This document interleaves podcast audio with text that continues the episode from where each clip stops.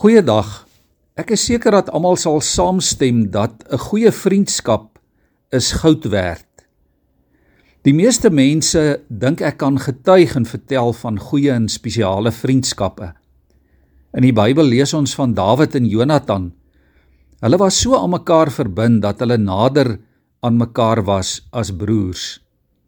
In Spreuke kry ons ook 'n hele paar tekste oor die waarde van goeie vriendskap.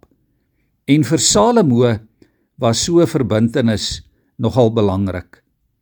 Hier in Spreuke 27 vers 10 sê hy byvoorbeeld: Moenie by 'n vriend wat al jou pa se vriend was, verbygaan na jou broer se huis toe as jy moeilikheid het nie.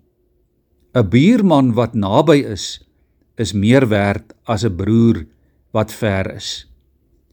Hierdie teks sê nie dat jou broer onbelangrik is nie.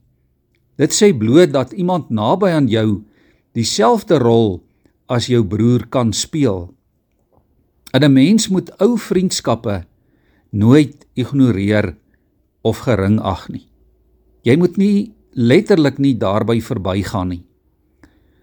Ook hier in Spreuke 24 vers 26 lees ons: Iemand wat eerlik antwoord is 'n ware vriend.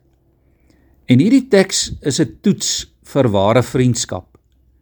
Want liewe vriende, kan jy werklik jou hart en jou gedagtes en jou gevoelens vir 'n vriend oopmaak sonder om bang te wees dat die vriendskap skade sal ly?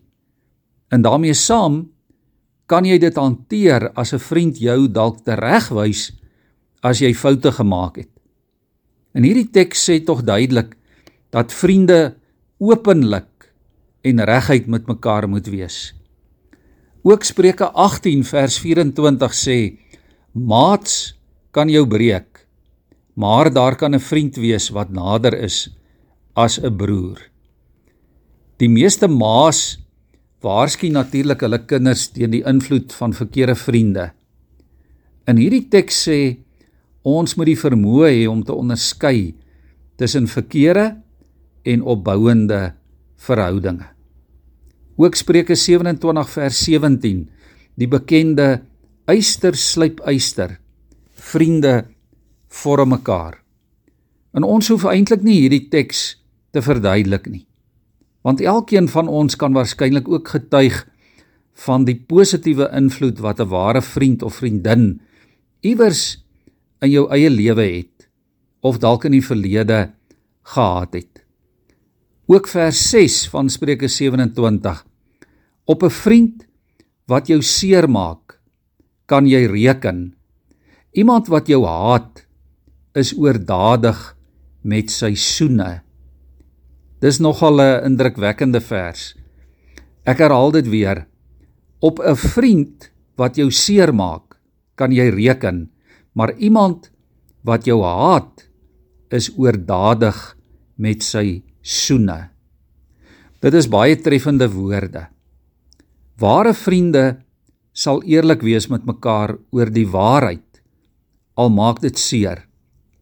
En al is dit nie lekker om die waarheid altyd te hoor nie. Ware vriende paai mekaar nie net die heeltyd nie, maar is regtig op 'n opbouende manier ook betrokke by mekaar se lewens. Kom ons buig ons hoofde in gebed voor die Here. Here, dankie vir kosbare vriende. En dankie Here dat U ons wil seën met opbouende vriendskappe en verhoudings. Here gee dat ons mekaar as vriende en vriendinne sal koester en ons vriendskapsverhoudings mooi sal oppas, Here. Gee dat U liefde vir ons elkeen sal weerspieël ook in die manier hoe ons met mekaar die pad saamloop. Dankie vir vriende wat soos broers en susters is en vir broers en susters wat soos beste vriende is. Amen.